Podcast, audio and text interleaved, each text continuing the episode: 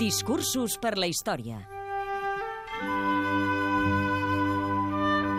Dolores Ibarruri, la passionària, 1937.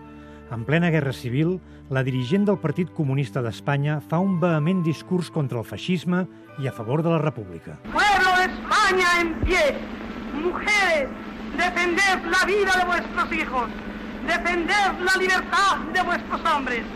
Todos los sacrificios imaginables antes que consentir que triunfen las fuerzas que representan un pasado de opresión, un pasado de tiranía. Todos contra la reacción, todos contra el fascismo. Un solo frente, una sola unión, hombro con hombro unidos todos hasta acabar con el enemigo. Abajo los generales mafiosos, abajo los elementos contrarrevolucionarios.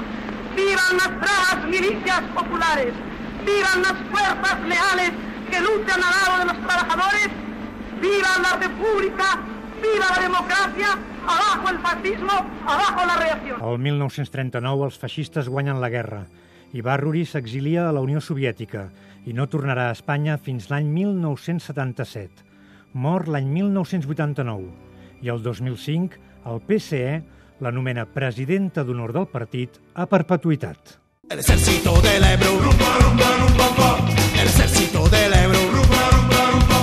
Una noche río pasó, ay Carmela, ay Carmela. Una noche río pasó, ay Carmela, ay Carmela. Y a las tropas invasoras, rumba, rumba, rumba,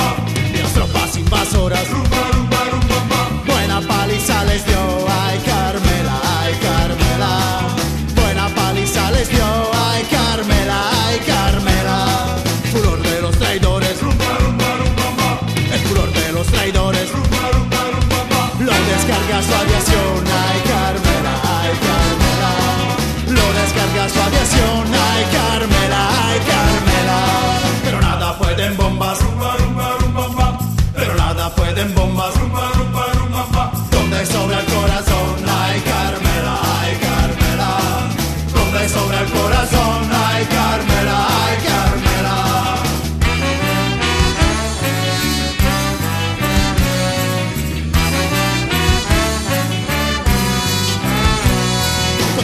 Muy rabiosos. Contraataques muy rabiosos. Deberemos resistir, ay Carmela, ay Carmela. Deberemos resistir, ay Carmela, ay Carmela. Pero igual que combatimos. Pero igual que combatimos,